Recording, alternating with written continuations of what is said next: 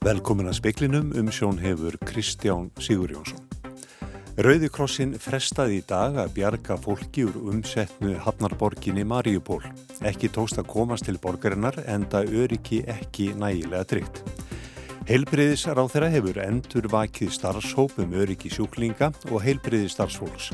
Starfsfólk fæðingarþjónustu landsbítala ættar að læra að frásögnum hvenna sem í vikunni hafa líst mistökum í heilbriðiskerfinu. Varnir sjóleiða og mikilvægra öryggis innviða við Ísland verða æfðar næstu tvær vikur. Varnaræmingin Norður Vikingur herst á morgun með þáttöku ríflega 700 manns frá 5 NATO-ríkjum. Rúsneskar steikur, pitsuberar og heimsendingar á Hesbæki vöktu aðtekli landsmanna í dag 1. apríl. Ætlam á að all nokkrir Íslendingar hafi hlaupið apríl. Alþjóða Rauðikrossin hefur fresta tilraunum til björgunar íbúa um setnu hafnarborgarinnar Mariupól í Ukrænu. Ástæðan er meðal annars svo að starfsmenn samtakana komist ekki til borgarinnar í tæka tíð. Í yfirlýsingu Rauðakrossins segir að þrýr bílar með nýju starfsmenn innan bors hafi verið á leið til borgarinnar í allan dag. Þegar tilkom neittist hópurinn til að snúa aftur til Saporítsja en það hafi bæði aðstæður og skipulag ekki leift áframhaldandi ferð. Ætlunum er að reyna aftur á morgun lögardag. Í yfirlýsingunni segir að þið eigi við að mikil aðgerða þessu tægi að takast þurfi allir að hlýta því samkómulagi sem gert hefur verið um framkvæmt hennar. Öllum ber að sjá til þess að öryggi sé tryggt og allar aðstæður þannig að undverða að koma fólkinu til bjargar. Aðstæður þeirra sem enn hafast við í Mariupól eru slæmar. Borgin er nánast rústir einar og matur, liv og rennandi vatna af skornum skamti. Þegar aðstæður leifa er það hlutverk Rauðakrossins að fylgja rútu og bílalest úr Mariupól til annarar borgar í Ukrænu. Talsmenn Rauðakrossins segja aðkomu samtakana eiga að tryggja aukna vörn en það lífsnauðsynleg mannúðaraðgerð. Fyrir í dag sökuðu rúsar Ukrænumennum árás á borgarlega oljugeimslustöð við rúsneska borg. Myndsteið sína að herðirlur þeirrar gerðar sem bæði rúsar og Ukrænumenn nota gera atlögu að stöðinni. Eldar loguðu þar í allan dag en týjir slökkulismanna glimdu við eldin. Markus Þórhalsson tók saman. Starfsfólk fæðingar þjónustu landspítala segist ætla að læra frásögnum þeirra hvenna sem stíð hafa fram í vikunni og sagst hafa orði fyrir mistökum, vannrækslu eða óhöppum í heilbriðiskerfinu. Í yfirlýsingu segir að starfsfólkið hafi ekki farið varhluta af þeirri umræðu sem verið hefur frá því að Bergþóra Byrnudóttir steg fram í kveik á þriðjudag. Hún örkumlaðist við fæðingu einn stærsta bar sem fæðist yfir hér á landi og undirbýr nú stefnu og hendur ríkinu vegna meintra læknamistaka. Starfsfólk fæðingarþjónustu segir í yfirlýsingu að umræðan sé öllum nöðsynleg og mikilvægt að foreldrar upplifi ekki óöryggi. Nú þegar sé hafinn vinna við að læra frásögnum vikunar. Viljum Þór Þórsson, þeirra, hefur endur vakið starfsóp um öryggisjúklinga og heilbreyðistarfsfólks. Hann segir mikilvægt að hlusta á sögur þeirra hvenna sem stíið hafa fram. Því miður verða alvarleg tilvík og um þau eigum við ferla. Það sem að Hallbjörn Rás og Málsatvík fara í, í, í rannsókn hjá ennbætti landlæknis. Og markmiði lítur alltaf að vera að styrkja þessa öryggis menningu í kringum heilbyrðið stjónustu fyrir sjúklinga og ef við hlustum og lærum af að þá getum við bætt verkla og ferla og aðferðir. Segir Viljum Þór Þórsson, Marja Sigrun Hilmarsdóttir talaði við hann. Rúmlega 700 manns frá fimm ríkjum Atlasafsbandalagsins taka þátt í varnaræfingunni Norður Vikingi sem fer fram hér á landi og á hafinu umhverfislandi næstu tæpar tvær vikur. Varnir sjóleiða og mikilvægra öryggisinviða verða æfðar. Æfingin hefst á morgun. Kostnaður Íslands við varnaræfinguna er 50 miljónir króna. Æfingin er tvíhliða verkefni bandaríkjamanna og Íslandinga. Á meðal markmiða Æfingarina sem tilstóða halda voru 2020 en var frestað vegna heimsfaraldus er að æfa varnir mikilvægra mannvirkja og öryggis innviða meðal annars tengdum fjarskiptaköplum. Sankvæmt upplýsingum frá utanríkisráðuneytinu verður leit og björgun almennra borgara einnig æfð. Þar taka landhelgiskeslan og lauruglan þátt. Landganga bandarískra landgönguliða við miðsandi kvalfyrði er eitt liður æfingarinnar. Botni kvalfyrðar verður lokað meðan á þeirri æfingu stendur. Brettar, bandaríkjaman, frakkar, þjóðverjar og norðmenn hafa staðfest þáttöku sjóherja sinna í æfingunni. Varnir siglingaleiðana suður af Íslandi verða æfðar og kafbátaleitarvélar og þyrlur þáttöku þjóða sinna kafbátaleit undan ströndum landsins.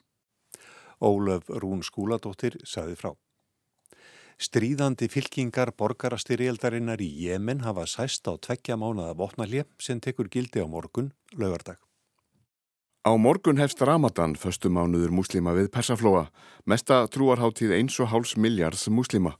Sáti-arabísk yfirvöld tilkynntum upphaf háttíðarinnar í dag. Venjubundið er að fjölmenn muslimaríki hefji hana samkvæmt tilskipun frá Sáti-arabíu.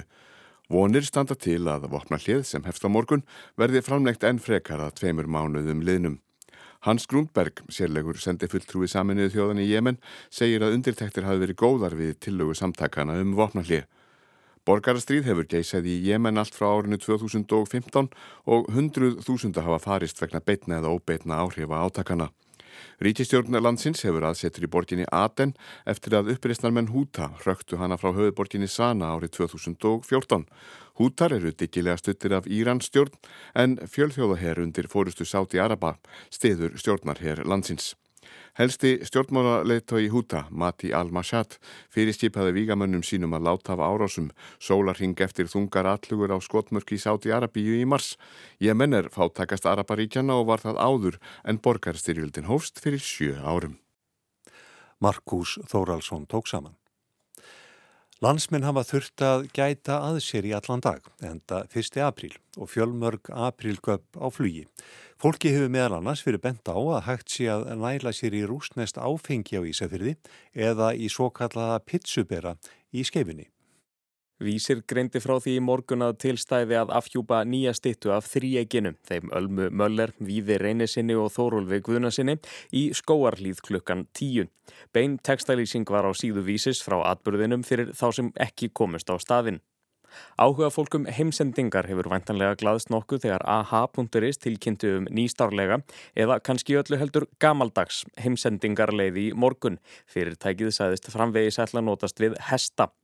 Þá sæfi Ísafjörðarhöpp frá því á Facebook að rúsneski fraktarinn MC Múrmansk hefði komið til bæjarins í nótt. Á höfnin hefði þó miskilið aðstæður og fraktarinn festst á milli Ísafjörðar flugvallar og Suðurtanga. Því hafi verið ákveðið að létta skipið að framann og bauðst bæjarbúum að sækja gefins steikur, vodka og bjóri í steipustöðina. Pítsukæðjan Dominos bauð viðskiptavinnum sínum svo að sækja svo nenda pítsubera fyrir raflöpihjóli í skeifuna í hádeginu. Og í sínum síðasta hádegisfyrirtatíma á ríkisútarpinu sagði Brotti Brottarsson frá því að fræðimenn hefðu komist af því að hinn sögufrægi Rasputin hefði verið langa langa við Pútins rúslandsforsetta. Áhuga sömum var bent á að lesa nánar um málið á rúf.is en þar voru engar frekari skýringar á þessari endaleysu enda um aprílgap að ræða. Þorgnýr Einar Albertsson sagði frá. Nú er um 560 flottamenn frá Úkrænu komnir hinga til lands. Rúmlega 300 manns eru hér í leitað skjóli frá öðrum löndum. Það gengur nokkuð vel að finna þessu fólki dvalastað hér á landi en um 1800 íbúðir hafa verið bónar fram til skams tíma og um 200 til lengri tíma. Bólusetningastaða í Úkrænu er allt önnur en hér á landi. Ekki aðeins gagvart COVID-19 heldur einnig gagvart öðrum smittsjúkdómum eins og berglum. Nokkuð minna er af börnum í hópi flottamanna en áallanir gerður að fyrir. Af 560 manns eru þau um 150 en þeim sem koma þarf að koma í skóla. Þar þarf að mæta börnunum þar sem þau eru og bjóða þeim nám við hæfi. Nú þegar hafa um 26 sveitarfjölug veit vilirði fyrir að taka á móti fólki á næstu vekum. Á mánudaginn verður móttökumiðstöð fyrir flottafólk í Dómus Medica við Snorabröði í Reykjavík tekin í nótkunn.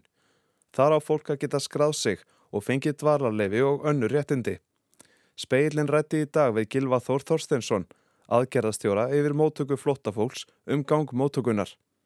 Í dag eru komnir 560 úkræðinu búar til landsins og sá sútala bætis bara ofan á þann fjölda sem að komin var áður frá öðrum löndum Þannig að þetta eru í kringum 900 flótamenn sem eru stattir hér á landi þessa stundina. Hvernig verður móttakað þeirra gengið? Móttakan hefur gengið bara nokkuð vel, satt best að segja og við höfum nú verið að reyna að fylgjast með því hvernig þetta verið að ganga í nákvæmlega löndunum og sem betur fyrir að, að þá erum við nú á pari við þau og, og jafnvel komin hérna lengra og, og betur á veg heldur en sum þeirra. Þannig að þetta hefur gengið vel en auðvitað viljum við gera betur og erum að því meðal annars með því að núna á mánudagina þá opnum við svona nýja miðstöð, þjónustu miðstöð eða, eða hvað við höfum að kalla það síðan á endanum eð, þar sem að uh, fólki getur komið saman og fengið alla þá þjónustu sem það þarf til þess að, að uh, fá réttindi sín tryggð hér á landi allt á einum stað.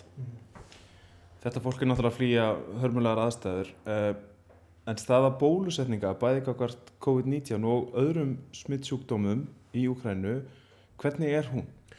Bólusetninga hlutfall varandi COVID í Úkrænu hefur verið mjög lágt uh, og eins er að þannig að, að þannig eru berglar landlægir.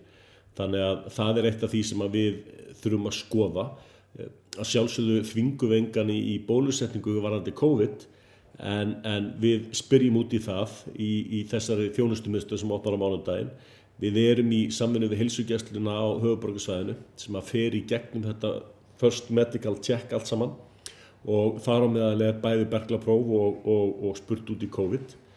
Þau sem vilja, þau fá bólusetningu fyrir COVID eh, en eh, varðandi berglana þá, þá verður tekið, tekið harðar á því. En hver er staðan með að fá sveitafélög til þess að taka við flóttafólki og hverjir eru komnir í, í það verkefni? Sko það gengur bara nokkuð vel. Það eru um 26 sveitafélög sem líst hafa áhuga sínum á að taka við flóttafólki á næstu vikum. Þetta er náttúrulega samningsatriði milli sveitafélagana og ríkisins sem að þarf að fara í gegnum. Það er að segja þetta er ákveðin kostnaður sem að lendir á sveitafélagunum sem að ríkið þarf að taka þátt í og svo framvegis. Þessir samningar eru núna í gangi, það er verið að semja og við vonumst til þess að, að klára þá samninga núna fyrir páska en uh, er, það er í mörg horn að líta varandi þetta, varandi framfæslu, varandi skóla og svo framvegis. Mm -hmm. Einmitt, varandi skólarna, hvernig gengur að koma börnum fyrir í, í skóla og leikskóla? Já, nú höfum við ekki þurft þess ennþá eh, per se, en eh, þetta er eitt af því sem að mentamálaráðanendið eh, er að skoða með þá sveitafélagunum líka, hvernig best er að gera þetta. Eh, það er kannski ekki réttasta leiðin að, að þau börn sem þurfa á skóla að halda, það er beintin í dönsku tíma sem dæmi, Eh, en einhverja lausnir ver, verðum við að finna og mentamálaráðandið er eh, þessa dagana á fullu að, að vinna að þeim lausnum og miðar vel áfram. Það hefur aftur að koma okkur kannski svolítið á óvart að, að hlutfall barna í þessum hóp sem hefur að koma er ekki eins hátt og við byggumst við. Eh, hlutfall barna undir 18 ára er ekki náma 27% af þessum 560 sem að komin eru. Eh, þetta er mikið að einstæðum konum líka sem eru að koma eh, þannig að, þannig að svona, bæði hefur það aðeins sett stryk reikningin hjá okkur varandi þau húsnæðismál sem við höfum verið að vinni þar sem við byggust meira við fjölskyldum en, en, hérna, en þetta er þó þannig að, að þannig eru börn sem þurfa já skóla og leikskóla og það er verið að vinni því En er ykkur nú þegar komnir í húsnæði sem er hugsað til lengri tíma? Já, það eru þó nokkur komnir í svokvöldu skjól eða svona millistikki þar að segja. Eh, fólk sem er búið að vera í þjónustu útlendingarstofnunar eh, þar sem allir byrja til bráðabyrða eh, eru þar kannski í cirka 2 til 4-6 vikur, eitthvað svo leiðis. Fara svo yfir í þessi skjól og geta þá verið þar í nokkra mánuði. Þá erum við komin í samstarfið sveitarfjölein sem að, sem að þurfa að veita ákveðna þjónustu Uh, og þar er fólkið í einhverja mánuði áður það fer þá í lengra úrræði. Uh, aftur náttúrulega við vitum ekki hversu lengi fólk vill dvelja hjá okkur. Uh, það fer nú bæði eftir því hversu lengi stríðið mun standa og, og, og eins líka hvort að fólk hafi komið hingað við áður það kannski samanast fjölskyldu sinni annar staðar í Európu, þá áttur að koma í ljós líka. En, en við allavega vinnum það þannig að við þurfum að útvöða fólki bæði skamtíma húsnæði og húsnæði til lengri tíma í, í samstafi við sveitafélagin. Það er jú á færi sveitafélagana að, að útvega húsnæði til lengri tíma en, en við erum svona með okkar auðlýsingum að, að vonast til þess að geta allavega hjálpað sveitafélagunum í þá átt. Er myndin farin að skýrast eitthvað hvað þetta verða margir sem að leita henga? Nei, það er ómöld að segja til um það. Eh, við eh, erum að fá, já, við fengum núna síðasta svonarningi 40 manns. Eh, þetta hafa verið á bylunum 25-30 sem hafa verið að koma á dag. Það gæti á einhverju tímanbúti komið beðni frá, frá pólskum stjórnvöldum sem dæmi að, að taka við stórum hluta flottamanna þar sem að þó nokkra miljónir hafa nú flúið yfir til Pólans og, og Póland er bara ekki að ráða við það ástand uh, nógu vel, skiljanlega uh, en við vitum ekki hvað þau geta orðið mörg en við svona horfum í það en þá að þetta geti verið allt frá 1500 og upp í kannski 3000, við bara vitum það ekki -hmm. Svona verkefni næstu vikna, hver verða þau? Verkefni næstu vikna er náttúrulega að klára þessa mótökum við stöð sem við erum að setja á lakirnar í, í Dómusmetika sem við opnum núna á mánudaginn. Uh, það er að halda áfram að útvega húsnaði fyrir fólkið, bæði þessi skjól svona, til 3, 6, jáfnveil 12 mánada. Við þurfum að klára að semja við uh, sveitafjölögin.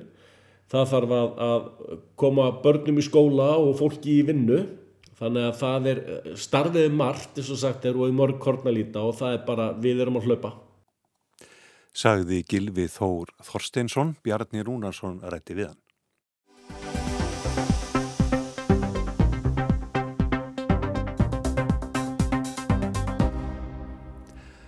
Blaðamanna dagurinn er í dag Fjölmiðlar, margir hverjir, opnuðu dyr fyrir almenningi og kynntu starfsemi sína.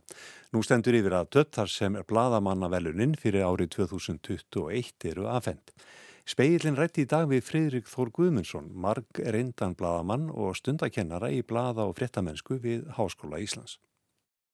Blada og fréttamennska er stundum kallað fjórðavaldið stjættin er ekkit óalega vel við þá skilgreiningu á því aðhalslutverki sem bladafrættamenn er að gegna. En bladamennska er þetta að upplýsa almenning um hvað er að gerast í samfélaginu að fræða, skemta og gera það vel og skilmerkilega sannleikan og skilja ekkert undan Þetta gera menn samkvæmt faglegum viðmiðunum sem eru viðukent alþjóðlega og ef það er vel gert þá er það mjög til hagspóta fyrir almenning versus það að þetta væri kannski samkvæmt einhverju fyrirkomulagi þar sem eh, önnur öll en fagleg stjórna upplýsingamidlunni. Er bladamennska fag? Absolut, það er fag, það er ekki lögverndað starf. Það geta nánast allir kalla sig bladamenn. Þeir sýtjast við tölvu, þetta er eitt af því sem gerir skilgreiningunni erfiðari núna versus það sem var áður. Þegar það voru bara uh, blöðin og útvarpið að uh, núna eru fjölmiðlar, nánast innan gæsalappa allstaðar, það er sko netið og podcastin og allt þetta. Það er fullt af fólki sem kalla sér bladamenn en það er ekki fólk sem lítur þessum faglegu kröfum sem bladamenn stjettin gerir til sjálfsins. Hver er skilningur almennings á, á hlutverki blada og frettamanna? Er borin virðing fyrir þessu starfi? Ég held það almennt séð og yfirleitt. Jafnvel þó að hávaristu rattirnar séu yfirleitt þær sem gaggrína bláfréttamenn og við hafa skammarriði um þá og segja að þau nenn ekki hinn og þessu og, og gera aldrei neitt og beita yngu aðhaldi og slíkt. Ég held að almennt séð og yfirleitt sé borin virðing fyrir starfinu og því sem vel er gert þar en vissulega eru alltaf eh, einhverji fjölmiðlar og einhverji blad á hrettamenn sem rampa um of á jæðrinum og fara gjarnan eh, út fyrir jæðarinn á köplum og eh, hugsalega er ofstór hópur almennings sem lítur á þessa bladamenn sem dæmigerða bláfréttamenn sem alls ekki er. Mín reynsla og rannsóknir almennt séð og yfirleitt sína að hinn dæmigerði bláfréttamaður hefur faglega prinsip, virðir hlutlægni, vandar sig, veit svona almennt séð hvar mörkin eru, hvað var þar eh, tillitsemi og hvenar á að sækja á valda aðila og slíkt til að fá upplýsingar. Ég held að einstinni viti fólk að megnið af stjættinni er þessi vandaði blagamæður með prinsipin á hreinu. Nú hefur þú bæði rannsakað síðareglur blagamanna og þú ert í síðan en blagamannafélagsins. Mm -hmm. Hversu mikið hafa viðmiðin á því hvað um á fjalla breyst á liðnum áratugum? Það hefur kannski ekki mikið breyst í sjálfum síðareglunum þar að segja þar eru prinsipin sem hafa lengi verið fyrir hendi og verða áfram um sannleikan og tjáningafrelsið og hlutlagnin og allt þetta það er miklu frekar að umhverjum hafi breyst, eignar halda fjölmiðlum, eh, brottkvarfi frá flokksmálgögnunum og allt þetta. Þetta er það sem hefur breytt raun og veru öllum viðmiðnum frekar heldur en síðarreglunar sjálfar, meina ég. Síðarreglu Blagamannafélags Íslands eru frekar einfaldar í sníðum og eru með grunnprinsip og þetta var gert í upphafi raun og veru viljandi þar að segja að hafa opið fyrir það möguleika að síðanendin geti tólka þessar síðareglur í takt við breyttan tíðaranda. Þetta var held ég mjög góð ákvörðun á sínum tíma. Það var bara reyndar aukinni ábyrð á síðanendina að vera með þetta tólkunarvald getur við sagt. Það er að segja, það er hægt að gaggrina hana fyrir að tegja síðareglur hinga á þangað en ég held að síðanemdini hafi í gegnum álinn tekist að þróa í úrskurðun sínum öll viðmið fram á mjög jákvæðan og faglega máta, ítt undir tjáningafrelsið, takmarkað raun og veru hverjir eigi að njóta tillitseminar og sem getur verið hamlandi ef síðarreglur tólkaða þröngt. Þetta hefur þróast þannig að mörg mál sem hér áður fyrr voru talin brotli við síðarreglur eru alls ekki talin brot í dag. Ekkur vinnubröð sem áður voru talin frek og valda sálsöka og beindust að yfirvöldum til dæmis. Þau eru í dag, mundu teljast í dag sjálfsagt aðhal þetta er meðal annars þess sem hefur breyst í viðmiðunum en ekki í síðareglunum endilega sjálfum heldur í þessari tólkun Það lókum fyrir hverjar eru helstu áskoranir blaða og fréttanóna Í dag hef ég mestar áhyggjur að því að stjættin býr við ógnanir og hótanir til dæmis frá valda aðilum og, og auðmönnum til dæmis.